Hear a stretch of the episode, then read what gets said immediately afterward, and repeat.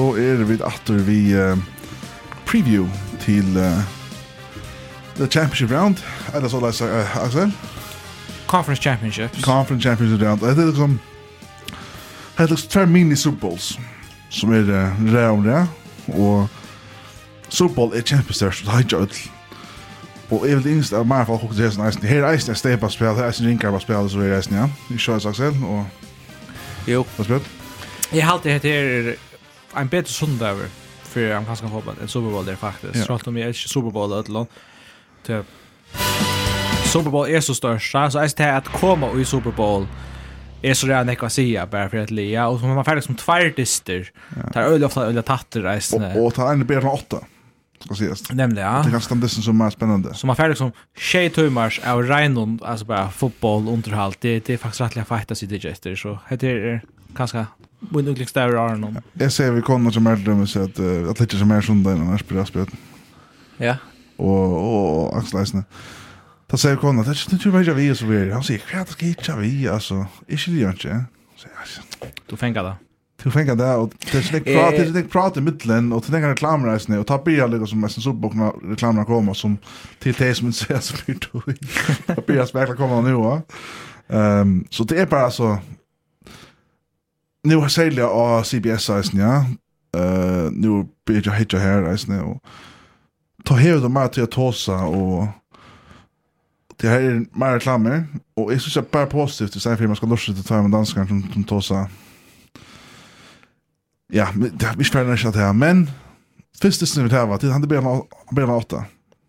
Yes. Och det är upplagt att han var en liten dövr öron dock så och så snacksatna och apple pie. Jag smakar med senare så det skulle man se alltså. Press är av från. Ja. Jag har inte gjort det. Kör tut senast? Nej, nej, nej. Vi gjorde allt och kom med allt och inte. Man ska man ska doa det här nej. Ja, jag vet inte. Men Det passar skärmen det. Man sätter och experimentera själv i coachen där jag får ett annat ricka som är sport ricka och så gör det så kan alltså hålla gåna till. Alltså det passar upplevelsen. Ja, jag vill göra Brussels sprouts vi vi vi maple syrup og bacon wrap size. Oh. Att Ja, jag måste lucka konferera med frona. da. då. Tatt tatt. Nei, men det er, jeg halte det er så gott at han blir kan åtta hvis nu tror. Ja eh mot Super Bowl för tar som ran ekver hitch efter ta det hitch där amerikansk fotboll så är det Super Bowl. Super Bowl har en ofärtliga länka upptakt uh, för de som inte är van vid Super Bowl. Alltså ett amerikanska fotboll där att det är main event om man kan säga så så och här du nästan kan åtta och så löpte du bara bort ut alltså till eh och det öjnaste som talar emot det när distant blue och sen det sånt det är Kassa Chief är bara stor favoriter av vinna det. Alltså stor favoriter. Alltså hvis uh, tar halta heltna det var någon som helt sushat det små Bills så så trumlade det där Bengals ner. Ja, och till bookmakerna var hästen sagt han samt då. Ja, alltså ja, och till den första största då säger det alltså Bengals mot Chiefs klart 8. Ehm så är Chiefs minus 6 alltså vi handikapp här på ett. Allt är att för Niners var minus 5 eller ett eller minus 6 mot Packers ja. så det är det här ut vi skulle hitcha men vi skulle inte långt efter än till week sedan ta ta ta Bengals vunne ända distan och det är en väldigt viktig dist till Leon och Chiefs skulle bland annat vinna för att ta fast nummer 1 sitt så här på en dag Så jeg, det er snakker som heldur at det er omøveligt til Bengals er færre, færre i jøkken i røver. Ja, så minnes det at, at, at, at uh, Cincinnati er færre 5-0 uh, on the road as an underdog. Siden Bayern til 21 regular season. Wow. Og det hever nekka si eisne at her øyla dama vel underdog uh, posisjonene, Och det som sier att spalte vel mot Chiefs senast. Här secondary Chiefs är fullständigt nowhere to be seen. Alltså, Tack jag vet ju att Chiefs och tar då väl adapta till till till till till, til nästa distan. ta ju preja filer och så börjar det sån ting och så rattar på det. ta ju där nick bit nick only. Det kanske tog det ända i fotboll dans två år nästan, ja. Eh så ta ta för Android och Eva orna at bollan att rum som de som mot Bill Sison tappar känt åter och möjligt som Tyler Matthew åter som jag Lisa and Jerry snä och ta färd on där och ta väl lika lätt till Joe Barrow. Och nu har man nästan en en en en raw footage dist mot Titans så hitcha kost du passar så Joe Barrow som sagt om för sig nästa. um, men som sagt vi ser hvis Mahomes skorar uh, nu jag touch för alltså han är drive som gör mot Bills så har Bengals en öreringandist. Men jag vill säga att jag har resa för att Bengals har aldrig varit för läkaren som är där. Och tar för in listen här och tar också bara vi tar vad klara och mål. Sean det faktiskt en Super Bowl. Men vi möter en en superliga och jag vi tar för det momentum att att listen ändrar vi igenom. Vi sagt en Cincinnati 6,5 det var så tattor. han vill ett jag skulle game tattor ändan jag det där väl jag snär till en mån till alltså Bengals har faktiskt typ så att jag tror tror allt att vinna och att täppa. ja. Ja. Bengals är fullständigt att jag var jag var så kvärt så så är det torra säsong rätta alltså det framtiden är öliga Björste Bengals. Ja. det man och jag tycker vi Jeg fylst der og jeg snir, men jeg halte bare Chiefs har bare vurs rean styrke. Og jeg har nesten alle parametrene. Og jeg vet ikke hva aksa til det. Eisne, Arvid ut fra Arxinaga. Så er dette og Arvid. Ja. Ja. Og larmeren Alltså det som folk inte vet om om om om om NFL, hvis det lustar för först för så är Arrowhead kjent for jeg være et øyelig alarmande stadion. Du, du hever uh, rekorder for Decibel, hvordan jeg yeah. vil larmer er, og tar er i topp, uh, jeg halte topp 3, topp 5, oh. først er vi øyne sår, og du, kan se om man lukner vi at vi stender nere av vøtlen noen, att en jumpo jet flyger alltså helt tätt vi alltså det är inte snackande nya av att någon och shot sent oj met från cornerna och det här Oscar och Gerard bänt Iron lika som som som måste den Lee ska göra play eller ta så det för sen har det tossat att vet så jobba ett att skala bara. Och det är så jävligt ekvistigt jag spelar väl till alltså ankar kan kanske hoppas det är det så gott i London men då har det hemma som det hemma i eller så är det är så läs att ta ett tut all upp är väl ötlån. Tror ändå helt halt att det så rymliga fria lite. står då heppar tar jag skap. Men, men i mitten playne vara frier. Så så där måste jag kommunicera och ta samman.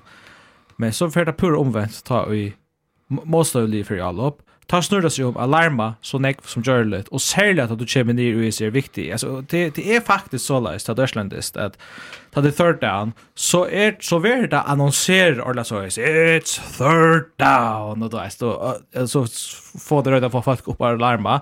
Och så stannar folk bara och ropa så man vet inte. Man man, man följer det ju showars på.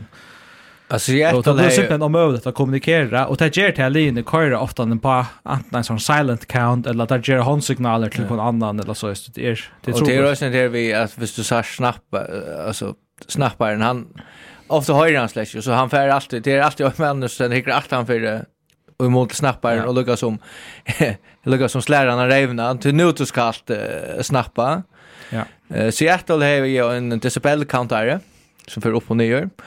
Annars är flere li som har varit som er innan då høtler, så sett att det har talat upp.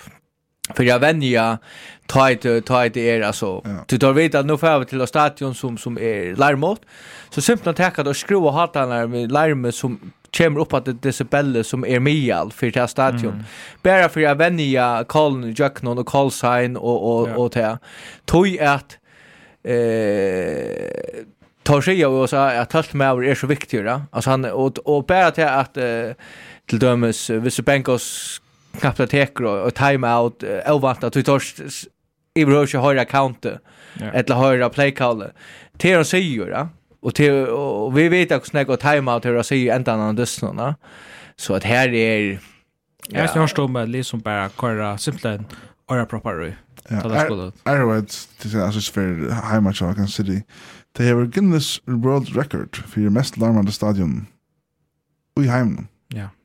Og hvordan er det spelt? Alle utrotter i røver. Ja. Loudest sports stadion i Guinness. Nå, men for å komme inn av distan spesifikt, det er det som heter avvettel noen. Ja. um, så her var Bengals, vi skal taka, vi kan taka Tyra Lutz sindri her, så uh, kan så slipper taka Chiefs Arnar. Eh ja, sen så vi Joe Burrow kasta för 446 yards mot Chiefs eh var inne och Jamar Chase hade 26 yards out dem. Chase var inte neck eh involverad över och jag snär eh Titans det nog något utan att fokus på att stäcka Anna. Eh Chiefs har ikke vært spilleren der, altså secondary spilleren til å fylle vi ser receiver til noen. Tja Bengals, og Tyron Matthew er en absolutt lilla lager han skal komme etter. Altså, det er så en hjernerystelse, jeg vant til han der etter, da pleier man ikke sitte ut i en av vike. Sean Dalbox ringte er og så, men jeg vant til han der etter, men det er ikke hans kontroll, det er fyrtjøkland protokoll, og det er utan husets lakner som bestemmer etter 100%. Um, Tyre skulle, ja, få seg kastet spille køyre, og så moe tar tar offside linja spela bättre. Hetta fiska gänga mot der, mot der, uh, Chiefs. Alltså hvis, hvis du ska vara under press är det korrekt för att kasta kastar så så för det kyrka. Till till helt säker på. Så till det simpelt step upp. Chiefs har går pass rusher alltså vi Chris Jones och Melvin Ingram och Frank Clark ehm um, jag ska sälja tar Chris Jones är en liga spelare här på inte. Alltså där move och stäcka han och så blir det spännande att se hur så går Joe Burrow klarar vera. Klarar han att spela upp till Mahomes, du tar skall han väl sagt han Jerry en annan mån. Och och hinner sjönja bulten då tar Moja det som sådant för igen. Det går inte lätt att han stanna i lomman och, och, och kasta som han vill där på en. Tarra varje spelare. Inte lätt sådant alltså. Det är så. Det där men Tarra Verish, där här var några goda Verish-spelare. Alltså, Trey Hendrickson har ju fantastiskt fantastisk och har sex, jag vet inte hur snägga det är. Ja, eh Cat Reader och, og Hill ni här så den där där där där har var några spelare som er i kvalitet, kvalitetsspelare, och och tar skulle bara alla samla steppa upp. Och jag tycker väl att det kunne göra det. Alltså här är en, en path to victory, kan man säga. Alltså tja time og til simpelthen kastspel ska köra ordla väl och man ska ikke alt som man kan for ikke livet sørst for Mahomes. Ja, til spurningene, altså, Bengals hävarna og mulige uppgåva framför sig här och kan skulle fokusera på? Skulle jag fokusera på att att att att att, att säkra quarterbacken eller skulle jag fokusera på att att att att, att varva och välja till att Mahomes kan bara konvertera third down, third down. Det skulle inte blitza. Nej. Mahomes är Ta bästa näkran då utla blitz i över i NFL. Uh, Bills hade ett 11% blitz rate nu senast. Ja, man ska inte blitza. Och Bengals låg senast 20% emot Chiefs. Och Tavish Guy Men ta hei Mahomes, ikke han var dist, men receiver miste bollen eller ofte, jeg vet ikke minnes det, men godt tøy. Det som, det som Chiefs skulle gjerne, det skulle bruke det momentum her, at nå vinna en, en early height on Bills lige. Bruka det momentum når kommer vi her til, til Bengals og sen, det skulle minne atra at han distan har tapt i Vik Seichan, det er videre kan han gjøre skreft va, og og det skulle bare køre det heim, så det gjør sjans tve hjørne. Er dere ikke vi at Mahomes eller Chiefs offense for å spille til Disney. Det er ikke en chans. Det er simpelthen en spurning om klarar Joe Burrow a fylgja at han har med Mahomes og Disney. Til det er mye analyser som Disney er. Klarar Joe Burrow. Man kan si det nesten rukker i Jon da han skattar alt fjøren. Men klarer han at gjøre sammen med Josh Allen gjør det sørste video. Joe Burrow. Ja. Eller er det her bare for nekv trus til han? Han spelar mot en värje som har spelat öra väl senast nu. Tar vi torn apart i möter i möter uh, Bills sist vecka. Och tar förna tar Russia och värjena kör Bills. Tar vad ta i uh, tar kort mer men secondary så vi weird of some third round versions så vi weird ja. Så det är det Bills sen tar tar third round versions för ofta run plays. Mm -hmm. Där ska öra väl ta men men men Bengals skulle bara faktiskt Moe Moe klara fylgjattene, Chiefs. Ja. Og i stien, crush drive, like kan være Bills gjør.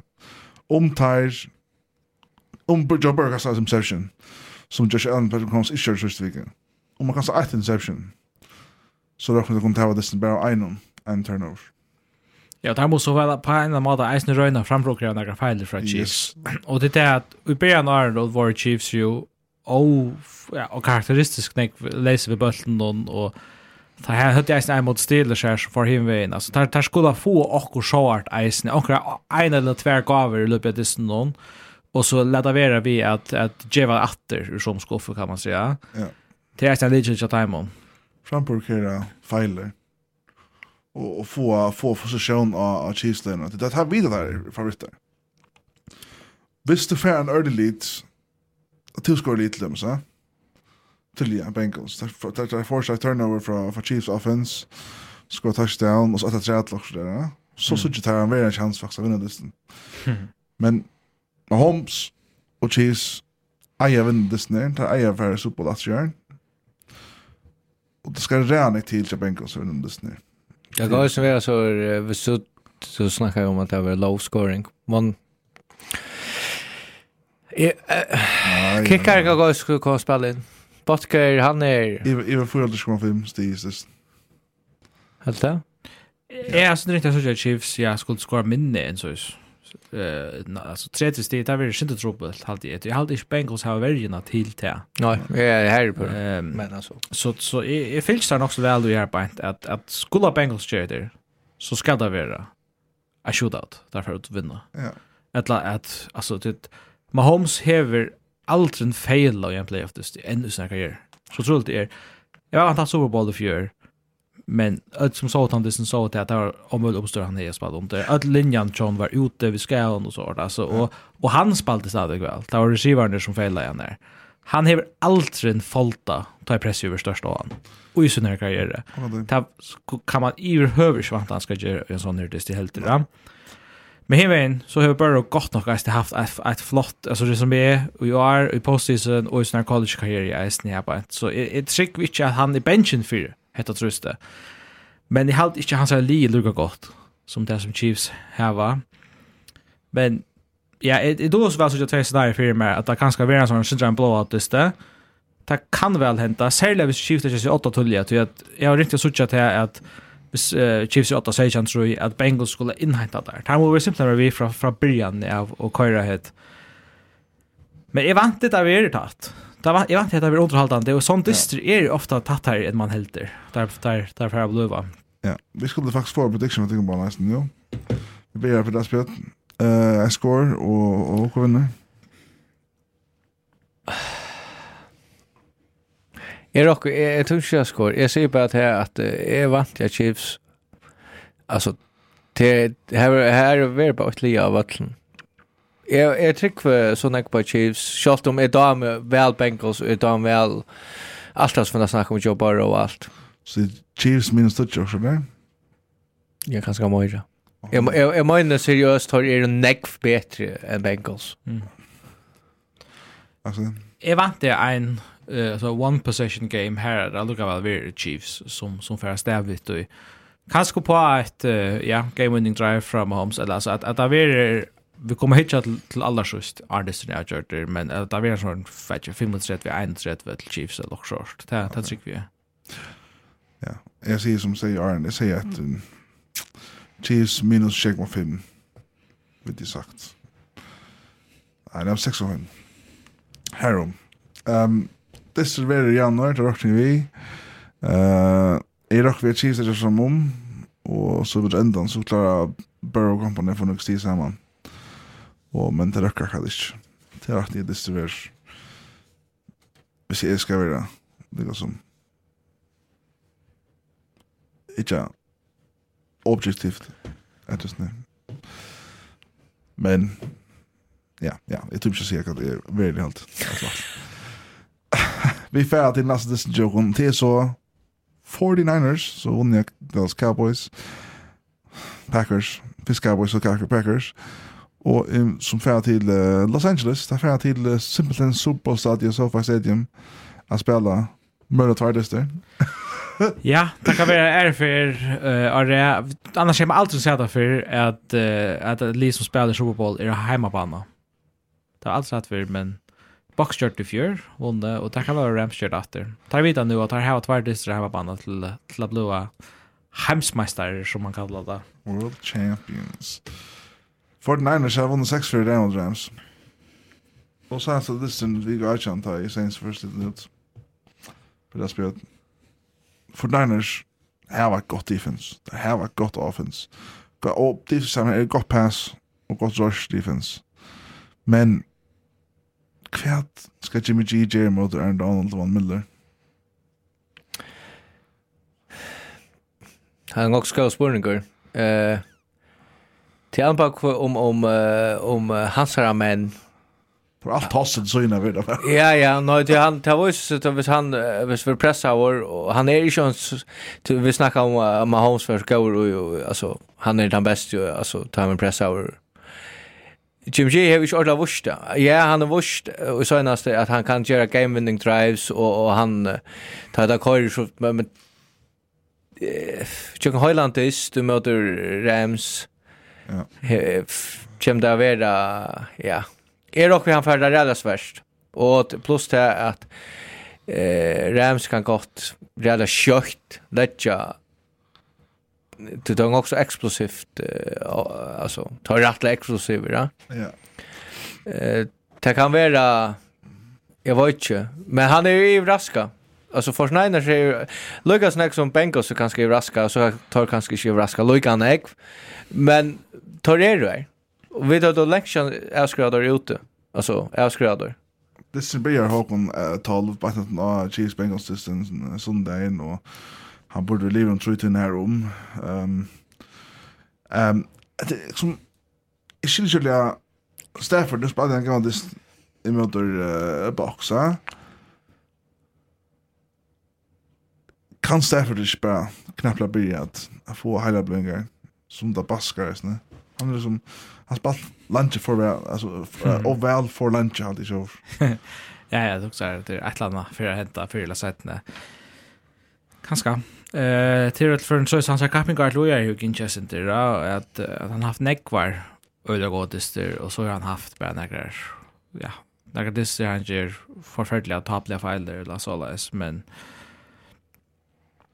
jag håller till at avmarska feiler vir en litchil in this noen. Så at vi tar två quarterbacks som har vært sint glädje for at kasta interceptions og gjør think Så, ja, alltså turnovers är en en en litchel i ötteldiston överhuvud i kanske hoppas det är så jävligt vad säger för hur hur distin gånger men men särskilt hästen är det tar man verkligen hålla eja vid att man sitter och hyggrar distin ehm jag hade jag lukar väl till Rams borde färjas det och vara nog så grejer favoritter eisen ett annat sted. Jag tror att spokmäkarna gör faktiskt jaun med det här som syska lika stärsk.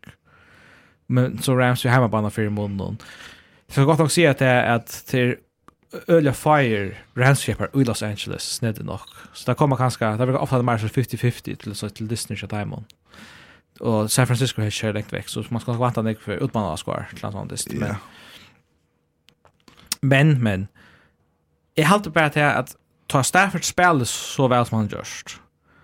Til at linje rundt om er på nekva matar nok så jøvn i styrke, bare her var nekkar fantastisk värre spelare. Och alltså och som som kunde ja, ge resurser för hit alla uppe så kanske att det kunde gått för stäbla en sån low scoring game kanske. Och att det kommer sig ner till hm kvar kvar kvar kvar minst feiler, kvar för mest uh, borster ur att ska kalta. Ehm um, jag är för det spänt på så tjata om om Matt Stafford han han fortsätter vi att resa sig och tar skulle gärna ha Andrew Whitworth efter. Han tar ju oss om han kommer efter att spela. Att Nick vad säger att att Nick Bosa eh och defensiven tjänar för Niners är isen hamrande farligare och där hade alltså man kan säga Packers där choka i gott några gräs när det men tar halta Diamond ju till touchstigen här det till är isen imponerande för att här alltså här ska välja isen har Rose att det nog som rycker här på inte. Ja. Yeah. Ehm så så Rams mot gärna ja undrar att det vi har få och lagt det sten och få Nick pressa Matt Stafford och han ska fetcha filer och bruka Nick Cooper Cup och och Del Beckham och så hinner så in så mot här så satt så på att det är att Aaron Donald och Will Miller kunde vara lika effektiva som där var mot Buccaneers. Tar ut för det spännande. Och en annan med som Eisner är en legislist, det är inte alltid Jade Jalen Ramsey vi så i perioden av Disney her han får og fyllde at han har Mike Evans. Annars pleier cornerbacks ofte at halda seg til ene søye. Jeg vet ikke sånn system her man er at en ene søyene uh, som man venner vi å spille. Men Jalen Ramsey, ja, tjekk at han då, Debo Samuel. Da mener ikke han venner, nei, at han har Mike Evans. Da mener ikke han venner vi. Mike Evans fikk så jeg lengt touchdown på han på et eller annet tidspunkt Disney, men så er det sant at man får gjøre på Debo. Ta for å spille wide receiver til Debo Samuel er... så ja, han tar viktigast alltså, offensive spelaren, viktigast offensive spelaren för Niners. Alltså är du inne på att båda värjorna är okej. Båda värjorna är Ja ja. Nick mer än okej. Ja ja. Men men men hvis vi ska jämsätta det alltså styrka. Ja. Så får jag åter och säga, ja men kvar här var kvar quarterbacker är bättre där. Alltså Jimmy G här var alltid präckat i hans spalte. Han är inte det. Han är inte gående så stad det men han Stafford gör det, ja nästan allt rätt. Alltså han har ju en gående just. Ja. Och Stafford är det där Aprekva att han är uh, först för när han kom så kvar för när han vinner om det så är han bara Woho, och tack och uh, som som jag kan han att eh så jag tror att då jag väl det hettliga till Rams. Ja, og altså Stafford er jo så redan ikke bedre form enn en Jimmy, Jimmy G har ikke spalt vel mot Cowboys og mot Packers i behöver inte. Alltså tar alle opp skorar bare 60 mot Packers. Alltså det ikke inte för att Black Panthers så där ikke vunnet den listan. Det er ikke vi starta just. Så jo, han må få mer på sjur. Og en med over som skal være involveret over mer enn han har vært, det er George Kittle. Han har vært ovanlig enn Lloyd brukter, der synes det er fem distner. Han var ok mot Packers, så hadde jeg en trus yards. Annars har han haft 22 yards, en fyra distner, ja. Det er ikke godt nok, han er, du har en toppe, topp 2 tror tight end i NFL och i honom här på ett. Men motivation till Jimmy G ganska är det att han hvis han vinner så vad gör så är han säker över är på nästa år. Nej. Du uh, han också spelar. Jag tror vi det med oss göra. Som det är. Det var först för 16 november vi gikk Victor. Ta vann för när 1 touch. Det rymmer mig. Så men så efter som du säger nu, vi gacha. Victor Listen där mot Saints. Ta vunnen for Niners, Sheju, Furju, at a field goal overtime. Og nu är så att Fyrst var det Santa Clara Stadium, så var det SoFi här på the overtime list. Jag kan man inte se att det är verkligen mycket mer spennende enn man helt tror. Til linje, bare matchups, er det så gøy som de är det. Värgen for Niners for förskar väl emot Stafford og Cooper Cup. Vi tar pass defense.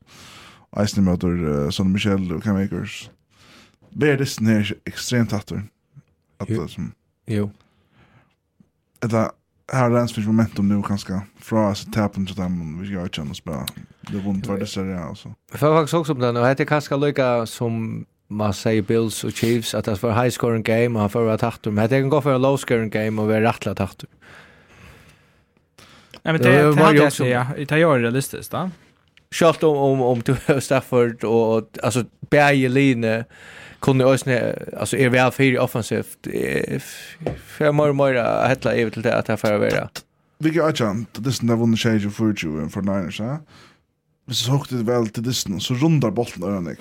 Alltså Eli Mitchell, Debo Samuel har bolten, uh, George Kitchen har bolten där for White Ice, ja. Jeg vet ikke hvor Men men tar runne seg vekk fra Van Miller og Ronald. Öjligt ofta ut i syner, så sier det. Og tar jeg kort ut i syner eisne, og tar jeg play action til Garoppolo, og om du som tar spillet opp utbanna ved, hinner, verja, for å syne, og så var George Kittle bare leser ut, veit. Og tar klarer seg øyla vel i møte seg her verjen i kjør Rams. Her var det George, chans til å være dissene. Og her outplaya. Jeg, jeg kommer jo prediction nå, at uh, det er ordentlig godt trickplay, og i sin dissene och man får också att fungera då där man är är det näkar så distor som ska hända så är det akkurat. Ja. Garoppolo receiving touchdown. Från Debo lockrart. Han kastade ett touchdown så ända står spalte. Debo Samuel. Ja. Till men nej alltså det är snägt ut från ut att säger så är det här tvär av timon allar bästa offensiva vänner som finns i NFL alltså Sean McVay Rams och Kyle Shanahan tja tja 49ers. Det er en fantastisk playcaller og det er spennende sånn, ja, hva det er finne på å gjøre og sånn distrikt. Jeg halte faktisk at 49ers er kommer nok så vel fra början og i nekvån distance som derfor er å vinne. Det er ganske ikke gå ned leget til å komme atter og igjen distance som Rams over. Så der skulle gjerne börja nok så vel og så skal Jimmy, så skulle jeg ikke kiksa det her. Her er vi kanskje en henne ringa søve, ved at han har han är steg åtta för några några några stor kollaps i Super Bowl ganska det syns ju är när på han var offensive coordinator i Falcons och tar Saints för den var Super Bowl. Ehm Det är jag tänker man kan hitta efter det här på ett öll för och, och så eh en annan maver som eisen kan granskar at 100%. Nu då sa vi om Andrew Whitworth, Jan och left tackle. Left tackle tja for Niners som är med att han bäst left tackle i NFL i år. Trent Williams, han fick geisen skia i Packers just nu. Han ska inte komma efter och vara 100%. Men det är... Trent Williams. Ja, men det är inte... Det är inte vi när han har kört romanen. Det var en gång så samt om han får vara klar. Eller tar ju sån stor omfänge av ska ska ska han han spelar så en part som det det gör. Hur snägt han spelar det vill det. Men det var också fighters playing att därför brukte han som uh, fullback. det var det var det var rätt coolt. Shut Hammond. Ja, ehm Jeg skiljer aldri hva mener vi at hm, kanskje at disten blir tattere enn man lukka genker og helter, og, og man, man må nok eisen tega det alvorlig til at 49ers har vunnet 6 fyrir av Lino. Till på en annan måte utifrån så också jag synd att ta är lite synd till Rams.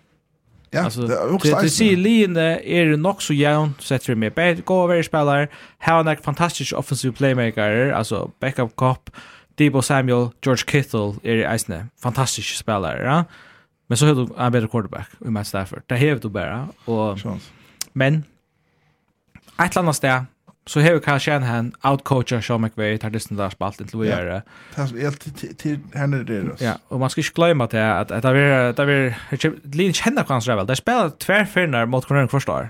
Ja. Vänjarna känner kvar man väl läst, ja, alltså inte inte glöm det alltså att att det det som är repair och ja. Och det att tänka gå för att home field advantage är inte ordentligt här visst det. Ja, är också vidare 30% Rams fans så avgör det alltså det är ordentligt jämnt. Og Holmes er ikke til stier av det. Ikke om det er Arrowhead. Men det er ikke som til at Los Angeles Rams har finnet nekker avskår sjansene. Og om det er noe implications av time, hvis det kommer Super Bowl, og eventuelt vinna Super Bowl, så får jeg nekker fans knapper dere opp og så där nästa år. Faktiskt så har vi har ticket office cha Rams brött där procedurer till att sälja biljetter till detta distan tror jag där där hade ehm det är annars för folk som big with Los Angeles som köpa släppa köpa biljetter. Men där kan man sig göra Nej, ja, där kan man se Jerry som just det. Du har snack för dance köpa som big. Alltså jag lugga ner för dance Så Det är en av de största sövliga franchisen som är i arbetet. Och Det här ligger i California allt ja. Eh så tar tar Ryan liksom att distribuera biljetterna alltså på sån kreativa mat så så det är faktiskt ändar och jag har hänt någon Rams fjäppar. Det här är sådana troplägen vitt i nämligen. Sånt. Det är flott ju till här på en 4-5 år så sedan, ska det, ska det sägas. Det ska sägas, jag tror ja. det. Men här spalt där, och jag färs någon lätt annan nice, ja. Ja. Men, uh, men också faktiskt vad de väl säger det här, för ända Disney, hör man som, man Stafford Garoppolo, som är Stafford, ja. Så är man Cooper Cup och typ Samuel. Ja. Och sånt jämt, väldigt mätt. Och så är man Kittle, OBJ, och så är man Nick Bosa, Von Miller, Ja. Nej, det är Donald var. Och det är nog så fokus att matcha kon annan här att det andra och här faktiskt vänjer ner det som som definierar månen och sen stjärnan. Så att det står faktiskt. Så jag vill mäta att är det en Michael Hooks Rams och jag har vunnit Tom Brady för Niners har vi antags tvärdes där har vunnit boar. Jag kunde inte så för det. Inte också det. Efter en NFC-finala för Niners har vunnit Rams senast nu det var nekt hattar enn halta. Kanskje stattar som det mer, nekt mer hattar enn hva Bengals Chiefs er. Etter lukk som snær. Men hvis jeg er dit han jo støvn hattar, og Peter Aspen, du får ikke lova til det først. Er ok vi at uh, Rams vinner og Susha Drive i dysten. Stafford special. Ja. Nå, jeg har også det at Jag då med röda kopp. Kopp är präckva så jag har alltid vi börjar och börjar när någon har snackat om och han har någon gång ordentligt fejla. Så han har någon gång haft en extremt vanlig Han bara Hvis Vi för till hinner som kappas vi han så är det fler som fejla och två sjutton dist. Han har onkande fejla. Alltså Stafford Hever till vapnet ut över allt är är Blashambel kopp kopp färran. Ja, kopplar ju om fotboll men alltså han är Alltså och i sån stort sån eller att det är så vi där snackar om man sätter upp med kornörerna alltså du lugga gå varje och allt det. Så måste ha vara till X-faktor. Är halt jag staffar kopp här va till X-faktor. Mer än kvart kanske nej när. Så jag säger ja, snack 13 16 eller såna bräcka. Så det är det varit helt en öle jaunor desto kanske inte så low scoring som vi snackar börja och snacka om det, nu får jeg om det, men han vill ju high scoring game, det vant ikke. Eller, nej Ja, jeg, jeg har faktisk nok så ringt til å velge en av disse. På nega måte så har det vel hodlet at tega Rams. Det virker sin som det ganske logisk av alle, men et eller annet sted så trygg vi bare til at at at 49ers tar tar heva en sort så samanhalt og moment momentum som bara køyrer. Jag har valt, jag vill säga, jag valde bara mot Cowboys och jag valde mot Packers. Och det var överraskande att ta Eisne. Och det har vi Eisne just av min bracket. Och jag playoff här på ett. Jag har prediktat därför att jag vill på ett. Men... Från början av. Så jag, jag kan inte färra från dem nu. Och jag har valt mot Rams kvarja först. Och du kicksar Eisne. Vart... Eh, ja, så jag, jag säger till att vi får en rematch från Super Bowl för 12 år sedan. 49ers eh, mot Chiefs. Som blir jag tåkan till mun då. Du, hatt av världen. Kan säga till så? Är det... Jag ser att Rams vinner Disney i overtime 2 vid en field goal. Men förstår det Rams Chiefs Super Bowl är snäll. Jag minns han visste när för några år sedan. Ta ett ta hackt skor en Disney helt sövande. Varför trim några år sedan. Och där var vi ja fyra vi ta där Jared Goff.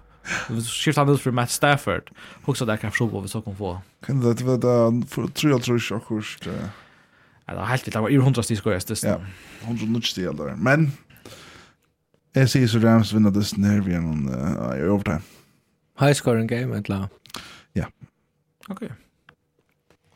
Faktisk... Jeg kan si at støna bare nå, at det ender repeat, shade of virgin. Faktisk har vi ikke for samtidig nekka, åttan, at jeg tog samtidig om at uh, Rams vinner. Så jeg også om det. Så, uh, og til alle som uh, lort her, så, så jæmt er det. Ja. Så det är fullständigt omöjligt att faktiskt predikta på näkrans mat allt det. Men du ska välja så är jag valt. Men det där hade så tar det sen där nu och och nästa vecka det var nog sån en sorts sändning kanske. Sikkert nok, jo. Ja, det var nok en sending, vi var alltid en det kan göra. Men vi er nu i championship eh uh, hva säger du? Conference Championship. Conference va? Championships. I'm kind of Og, og som sagt, så er det tvers opp bolls, som er spalt der nu som dagen, det er 1-8, og 1-12. Ikke for tølje sang som dagen. Ikke for tølje sang som dagen. Det er gjørt av som dagen senere, så er det lart av feilen nå. Ikke gjørt at. etter. Kjære til Peter Frank-kampanjen. Men...